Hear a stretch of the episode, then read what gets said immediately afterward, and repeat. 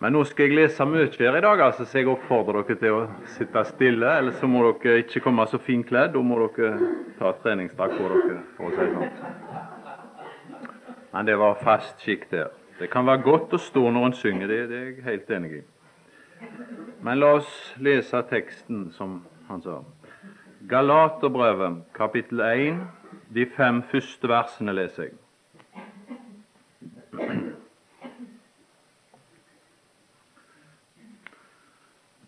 Galaterbrevet, kapittel 1,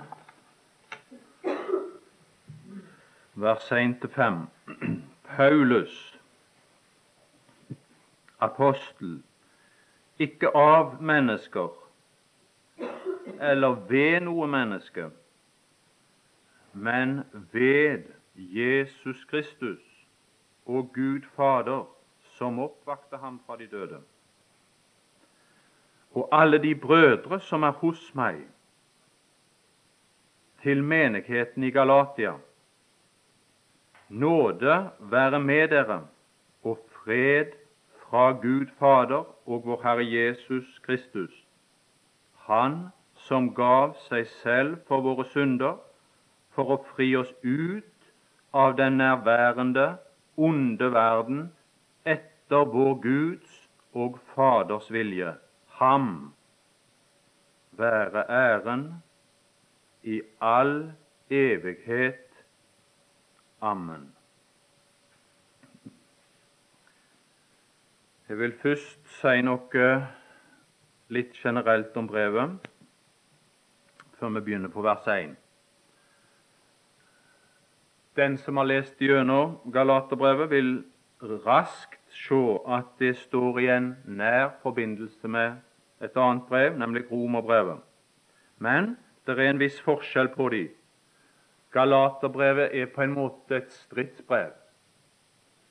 I Romerbrevet har du liksom den positive framstilling av sannheten, mens i Galaterbrevet har du den sannhet hevda av apostelen når og etter at den var liksom underkjent og, og angrepen.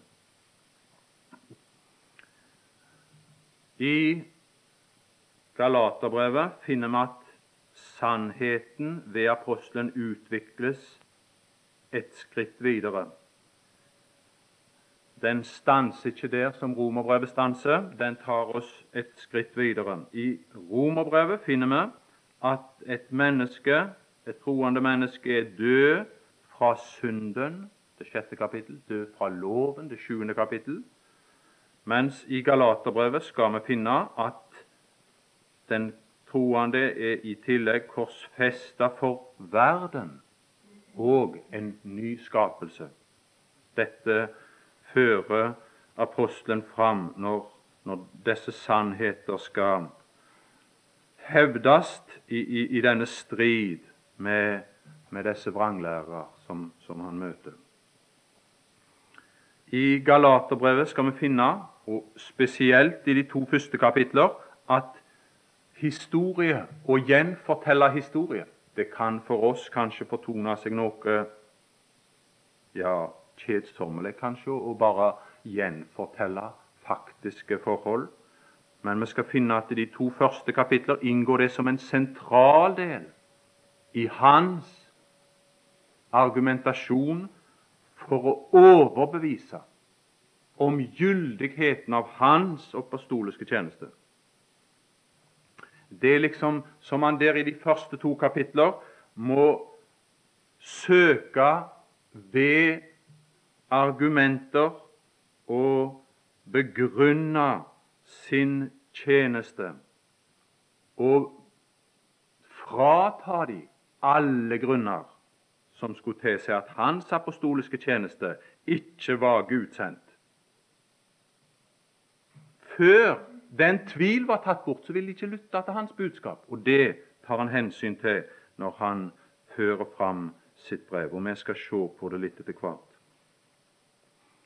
Hvis du sammenligner romerbrevet og galaterbrevet litt til på et videre punkt, så vil du finne at hvis du leser eh, romerbrevet, så vil du finne at det er kjødet liksom i en litt sånn grovere utgave. Hvis du leser de tre første kapitler i Romerbrevet, så vil du finne kjødet i sine mest avskyelige, groteske, nær sagt, utslag.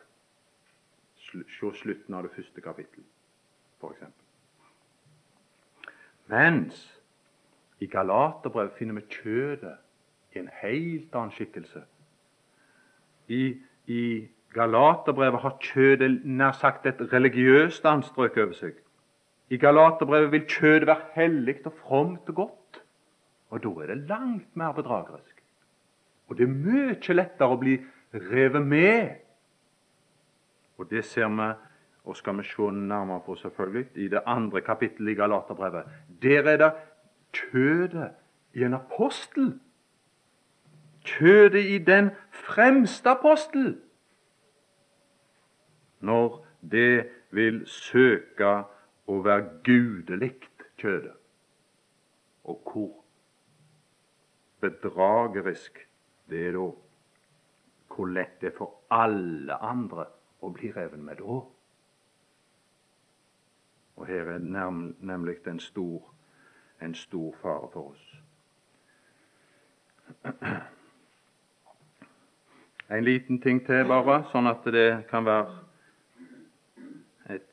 et lite poeng, det òg. Hvis, hvis, du leser Galaterbrevet opp imot de to brevene til menigheten i Korint, så, så vil du finne noe som jeg synes òg er verd å legge merke til, uten at jeg kan eh, si noe særlig om det. Men på en måte så finner du i, i Korint at der er det grove utskeielser, som Frode nevnte.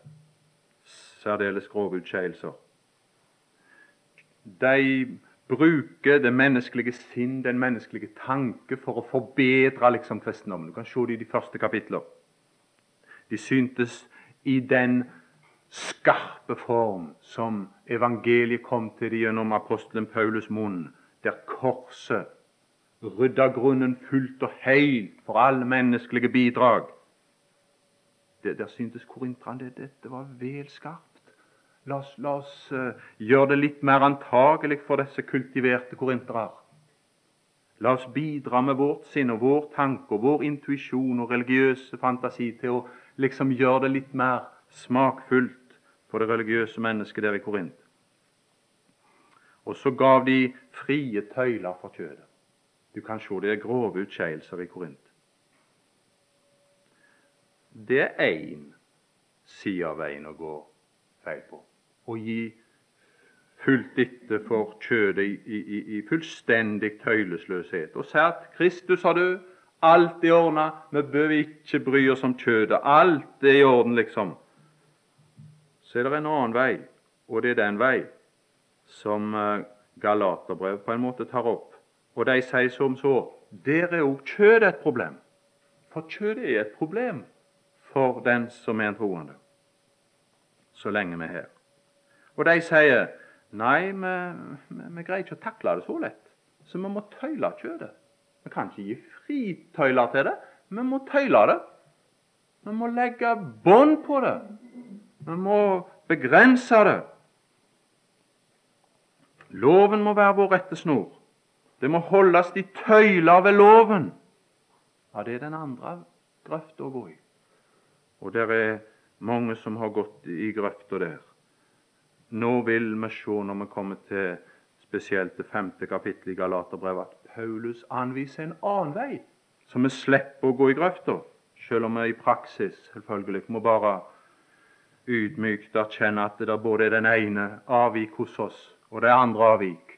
Så la oss holde klart at apostelen har en vei som han utpeker, som verken er den villfarelse som de, de befant seg i Korint, eller den enda farligere villfarelse som fantes i Galaterbrevet.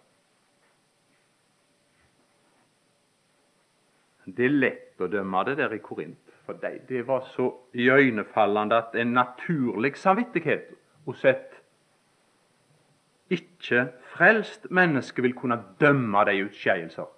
Vi ser jo i det femte kapittelet i første Korinterbrev som endog hedningene innrømme at det der, der er fullstendig galt. Men det er ikke så lett for den naturlige samvittighet å si at det som de blanda seg borti der i Galatia, var gale. Nei, for det vil den naturlige samvittighet istemme jo. Bud og regler, de ti bud og alt dette, det er skikkelig. Det samstemmer vi, så det må være bra. Saken er bare det at ved å ta det opp forandrer vi kristendommens hele karakter. Og dermed så er Paulus enda mer skarp i tonen i Galaterbrevet enn sjøl til disse i Korint. Vi ville kanskje ha dømt annerledes, men sånn var apostelens bedømmelse av disse ting. Jeg leser igjen det første verset her. Paulus apostel, ikke av mennesker eller ved noe menneske, men ved Jesus Kristus og Gud Fader som oppvakte ham fra de døde. De første to kapitler, som jeg sa, de bruker apostelen til å forsvare sitt apostelembete. Og det, det er en sammentrengt og sterktalende argumentasjon. Den skal vi komme til i sin tid. Men her i det første kapittel kan vi godt si at han hovedsakelig opptar seg med å føre fram at hans tjeneste er uavhengig av mennesker, fullt og helt. Først kommer det en innledning, og den er på fem vers. Og De har vi nå lest med hverandre. Og de legger grunnen for hele brevet. Og de antyder tonen i hele brevet. Og Derfor så er de for så vidt viktige å stanse for litt i, i stillhet og ro. De tilsidesetter, kan vi si, hvis vi sier det i korthet, det disse fem vers handler om, de tilsidesetter menneskelig autoritet. Og de gir befrielse ifra den onde verden. Det er nokså kortfatta, den innledning. Hvis du leser i andre brev, så vil du se at den er nokså kortfatta. Den er nokså spesiell, denne innledning som Paulus har til dette brev til disse i Galatia. I alle hilsener i brevene hans er det tre ledd. Det var det vanlige i brevskrivning på den tid. Det var senderen først. Avsenderen først så de han sender det til. Og Det er ikke vanskelig å se. I det første vers har vi det ene, i siste del av det andre vers det andre, og så en hilsen. Og Nå vil vi legge merke til her at i dette tilfellet så har første og tredje ledd i, i, i denne brevhilsen et tillegg. Og Da begynner vi med den første del, og det er avsender. Og det apostelen her slår fast, er avgjørende og sterkt sagt når han, han fører det fram. Han, han hevder sin aposteltjeneste, nemlig. Og du vil se at først er det en negativ påstand, og så er det en positiv erklæring. Se, apostel ikke av men ved. Ikke av det, men ved. Og Da kunne vi stille oss det spørsmål hvorfor er det absolutt Paulus? For du finner ikke det hos Johannes. Du finner heller ikke det hos Peter. Hvorfor er det nettopp Paulus som må hevde sin tjeneste? Hvorfor må ikke de andre det? Hvorfor er det hans tjeneste nettopp som er undergravd, som det er sådd anklager om, som det er liksom sånne vage insinuasjoner om at det, det er liksom ikke sånn som med de apostlene i Jerusalem, nettopp akkurat med denne apostelen Paulus.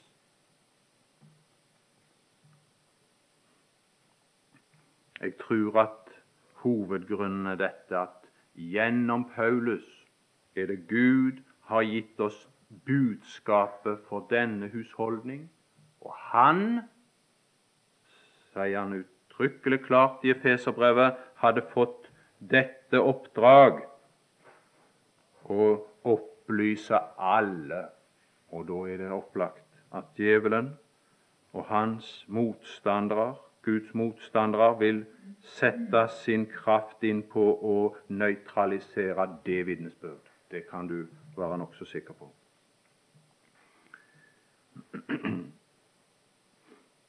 Ja, la meg si en ting til òg.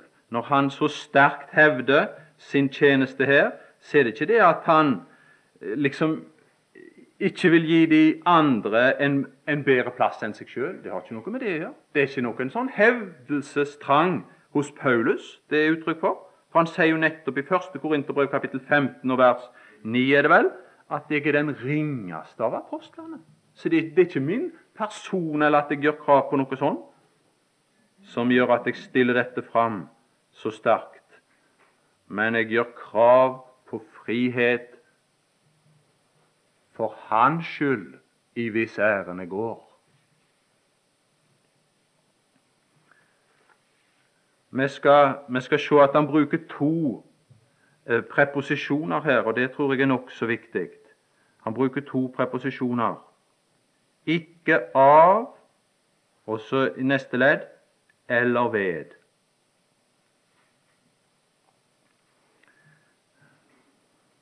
Det var apostler som hadde sin tilknytning til Jerusalem, og disse som her følger hakk i hæl på apostelen Paulus, og vi kan se det mange plasser, så vi vet noenlunde med tydelighet konturene av hva de mente om Paulus. Du kan se de andre korinterbrev der han tar det opp mer i detalj, saken på den sida. Men uh, vi vet noenlunde hva de lærte, disse her. Og de kom fra Jerusalem, disse. Og de mente at Jerusalem-apostlene, de tolv altså, det var mennene å følge. Men denne Paulus Nei, For det første så hadde nå ikke de tolv utpekt han og lagt hendene på han og sagt at du er en skikkelig apostel. For det andre så syntes de at han ble vel fri når han kom ut i hedningeverden. Og liksom Vel, han var ute etter et stort følge, så han tilpassa sitt budskap og, og, var ikke så nøye med loven og de ti bud og alt dette her. Jesus hadde jo holdt det. Jesus hadde levd innenfor dette. Og så kommer her en annen og så sier at nei, vi kan tilsidesette det. Var det ikke for å få et større følge blant hedninger han gjorde dette, Paulus? Jo, det syntes de tydelig å anklage. Nei, den sanne kristendom, det er den som er representert ved de tolv. Dette er en, dette er en form for avvei, dette her. Dere i Galatia må kjøre på han. Det er ikke den helt ekte. De har ikke vært i nærheten av kilden til det sanne budskap. Han.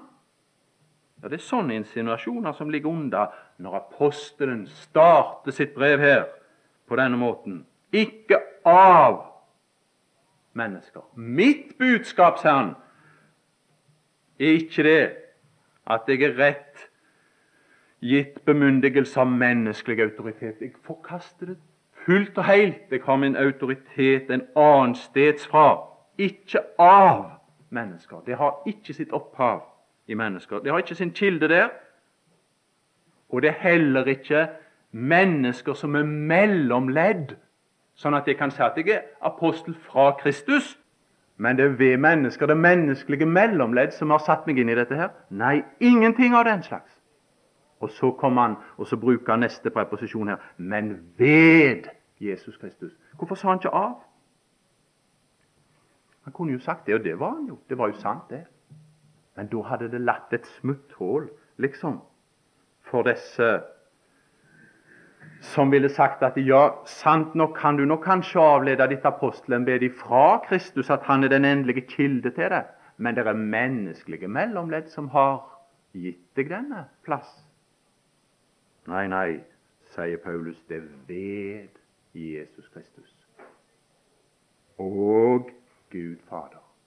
Og det er ingen som er høyere enn deg, som kan bruke deg som noe mellommenn. Nei, det er direkte.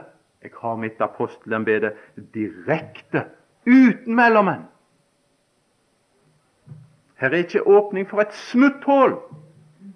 Jeg påberoper meg direkte uavhengig av mennesker, direkte ifra det nye sentrum, maktens tinde i dag, Guds høyre hånd.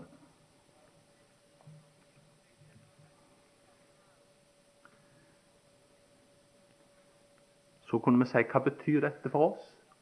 Jo, det betyr en del for oss. For det betyr at på en måte vi òg kan ikke bygge på menneskelig autoritet. For den tjeneste som Paulus hadde, den, om ikke jeg og du er apostler, så, så, er karakteren av den tjeneste et mønster for oss og for all tjeneste i denne tid. Vi kan, vi kan bare se et lite eksempel, og jeg tror at det er ført fram på en, på en uh, bestemt måte. og Da tror jeg kanskje vi kan se litt av uh, den praktiske lærdom som det er gitt oss å sanke av en sånn en, et sånt vers som dette i Galaterbrevet 1. Hvis du ser i Johannesevangeliet kapittel 1, der ser du et vitne stå fram. Nå, nå er det det store vitnet, det, det, store ord, kan du si. Det, det begynner i, i vers 1, det vet vi. Men så er det liksom, der føres det inn et annet vitne, som skal være hans tjener på et vis i denne tid. Og han har samme karakter. Han har samme karakter som Ordet. Det står i det første kapittelet hos Johannes ja, 1,6 Det fremsto en mann. Ja, hvordan var det han sto fram? Utsendt fra Gud. Fra Gud. Fra Gud. Ikke bare av Gud, for Gud har sendt ut mange. Han har sendt ut Nebukadnesa, for å si det sånn. Han har sendt ut Kyros. Men det er en forskjell på dette. Når han er sendt fra Gud, så betyr det å fortelle det at han må ha vært hos Gud når han ble utsendt. Han har vært med Gud før han kom ut. Og det er nettopp det som er med ord opp forbi ord. Og det er nettopp det som kvalifiserer for å bringe dette vitnesbyrd. Utsendt fra Gud. Hvordan er det med meg og deg i dag? Det skulle karakterisere oss, det. Det skulle karakterisere vårt vitnesbyrd, det. Hvor kommer det ifra? Har vi vært med Gud og henta det? Eller søker vi kun en menneskelig anerkjennelse for det vi skal si? Han kom til vitnesbyrd for å vitne om lyset, ja. Og det trenger ikke noe autorisering. Lys har i seg vitnesbyrdet om sin kraft i seg sjøl. Du behøver ikke holde et lys på sida av et lys og opplyse lyset. Lyset lyser, det.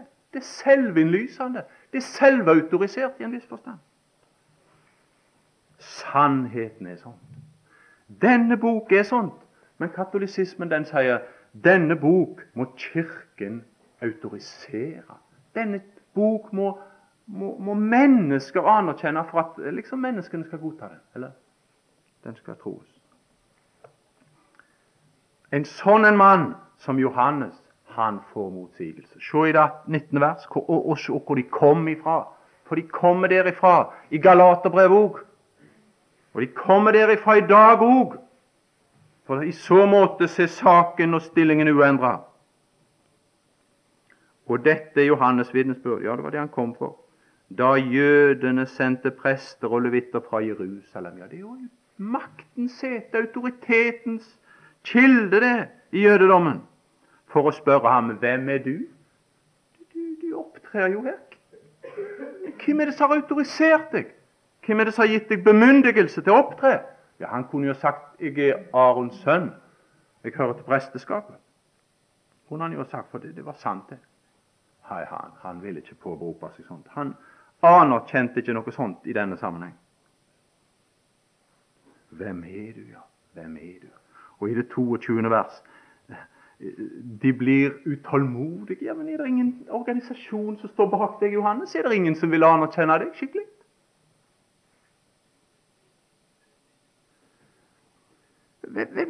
Hvem og vi kan gi dem svar? Fordi de, de, dette må de vite. Autorisasjon er viktig. Hvem er det som har ordinert det? Hvem er det som har sendt deg? Det står et frigjørende vers for meg, iallfall, i det tredje kapittel og det 34. vers.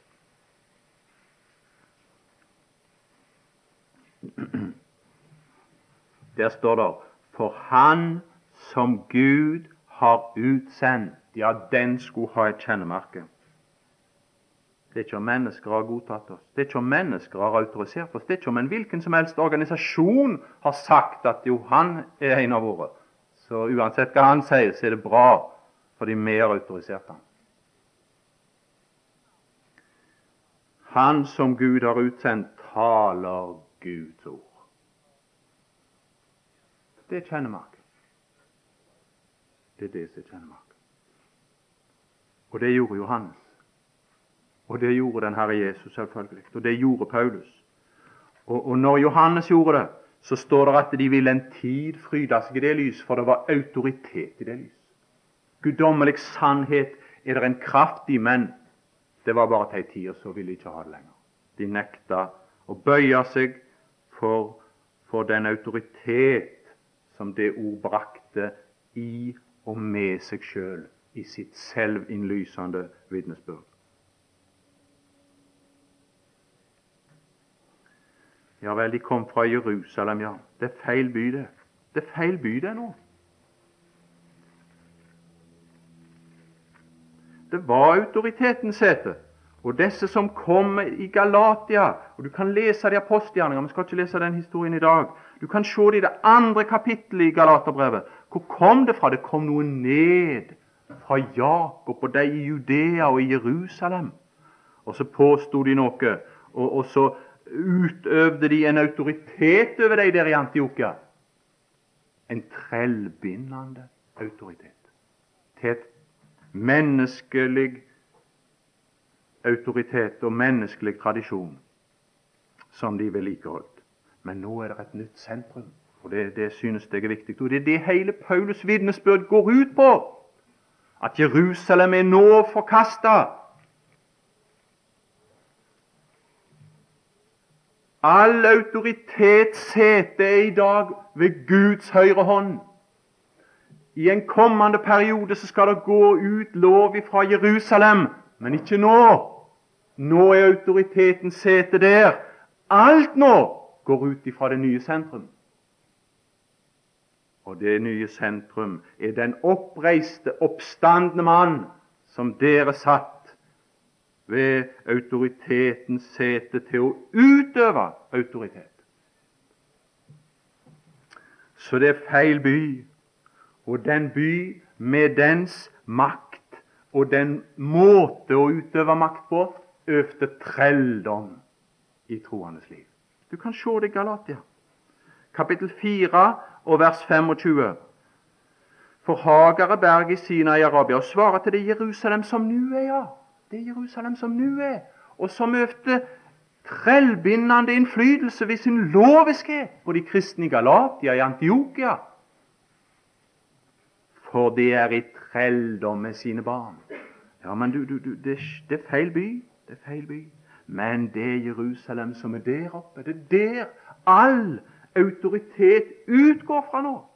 Gjennom Han som dere satt til å utøve det. Og det er fritt. Det er en annen utøvelse av autoritet. Det er frihet.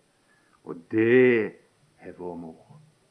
Og det er det sentrum Paulus påberoper sin direkte autoritet ifra. Han hadde en aposteltjeneste av en annen art ved Jesus Kristus og Gud Fader.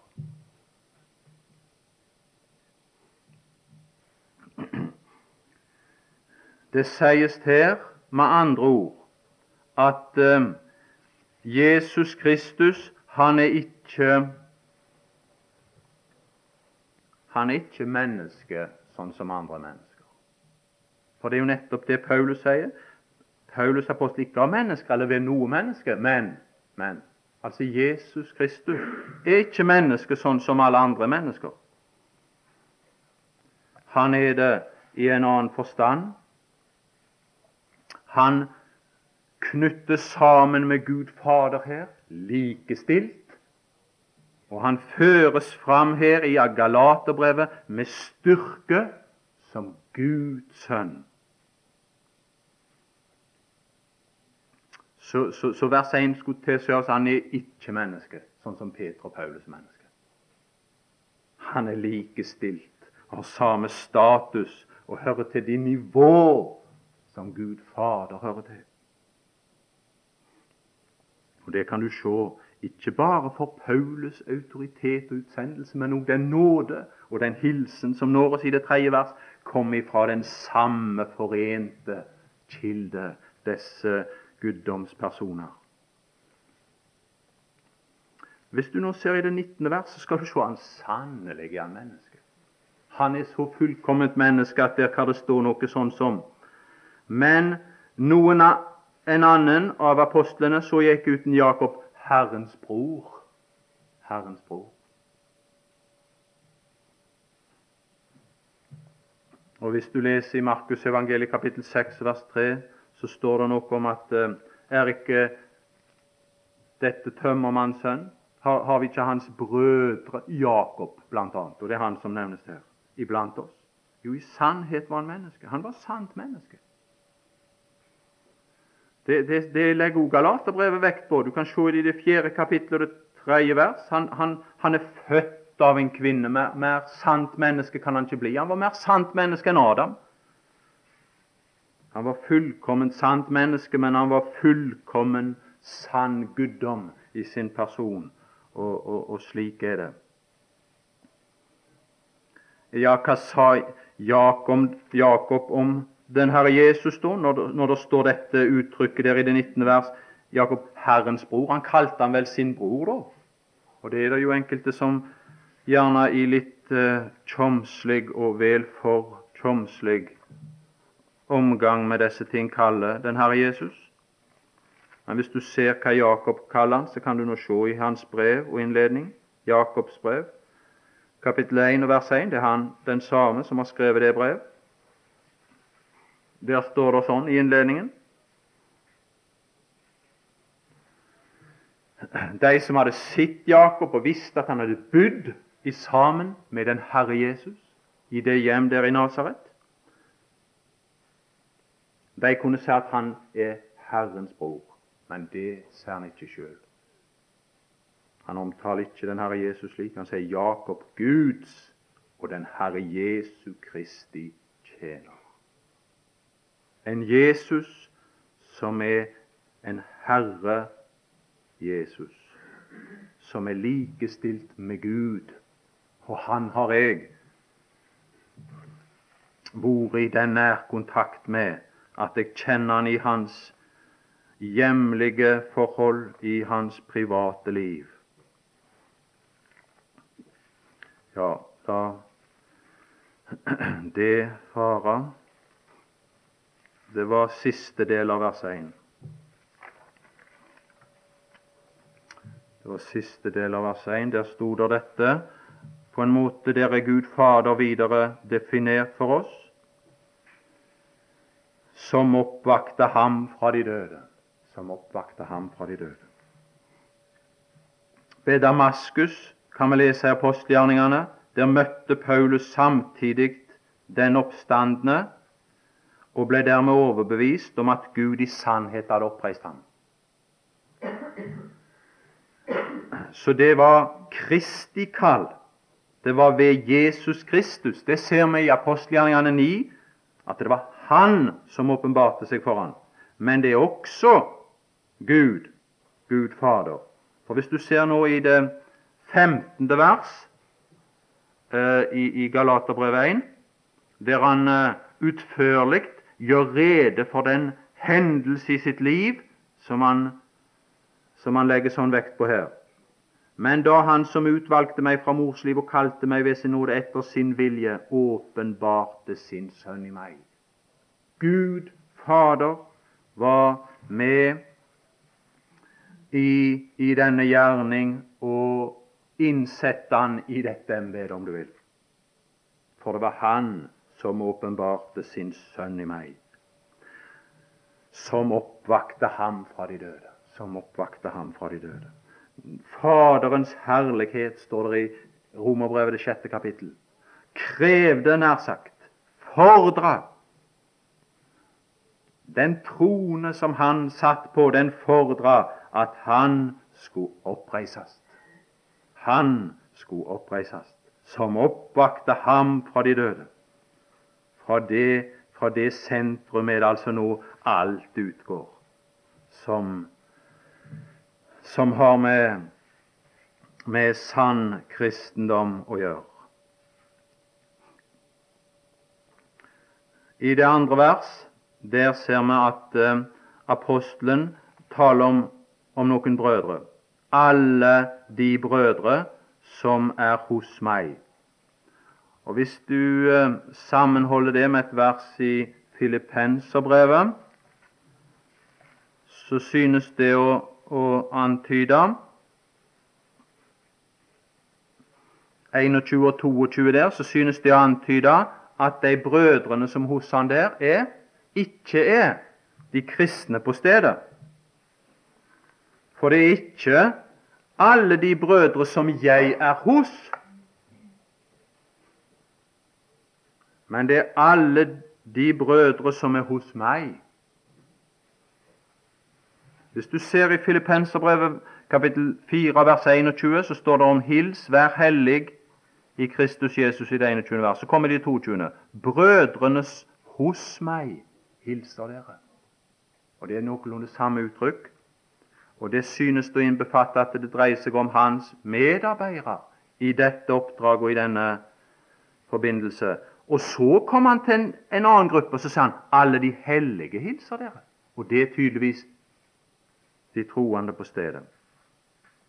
Og så, og så utmerker han en, en særklasse innenfor deg da igjen. Især de, osv. Men det synes å være hans medarbeidere som han refererer til her. Og, og, og liksom han sier 'alle'. Alle, sier han. Det er liksom som han legger vekt på at det er ingen dissens iblant deg. De støtter min tjeneste og det budskap jeg har brakt. De stiller seg bak det brev jeg nå skriver. Vær oppmerksom på dere i Galatia, at hvis dere fraviker det som jeg her forkynner dere, og det evangelium Gud har åpenbart meg, så avviker dere ifra det som det er en enstemmighet iblant de som tjener i evangelium. Alle de brødre som er hos meg. Han nevner det ikke ved navn. Det er liksom som han vil si noe i retning av at uh, jeg har fått det direkte fra Gud, det jeg har å si. Så jeg søker ikke menneskelig autoritet og støtte opp om dette. Men, men vit når dere oppe i Galatia, nå når dere synes å tenke i en annen retning og ville gå i en annen retning, at hvis dere så gjør, så, så viker dere av ifra det som alle brødrene holder fram. Alle brødrene holder fram. Det er den tro som er hos alle som jeg forkynner. Og, og det må dere ikke, må dere ikke gi, gi på båten. Alle de brødre som er hos meg. Gid vi kunne si det i dag. Gid vi kunne si det i dag. Det kan vi nok ikke si i dag. Men han sender sin hilsen til menigheten i Galatia. Og og da da er han knapp i ordbruken. Sjøl til Korint så skriver han til den Guds menighet i Korint. Men, men, når han skriver til disse i Galatia, så er det liksom han blir svært ordknapp. Og det er nesten som han mener at de må bevise igjen sin rett på å bli kalt kristne forsamlinger. Når de, når de nå liksom er, er, er begynt å vakle så, så til de grader som, som, kunne synes her i Galatia. Han, han, han kaller de ikke Guds menigheter i Galatia. Han kaller de menigheten i Galatia. Og Så kommer det denne hilsen. Og Den synes jeg er vidunderlig å, å legge merke til. Og, og legg nå merke til den kommer ifra de samme to personer som Paulus tjeneste kom ifra. Og det kommer ifra den samme opphøya plass herligheten, så, så, så kommer det liksom en strøm av dette ned. Det er nåde og fred. Grekerne hadde i sine brev en begynnelse som var av samme ordopphav som nåde, men det betydde glede når de hilste. Mens jødene de hilste med fred alltid. Shalom, liksom.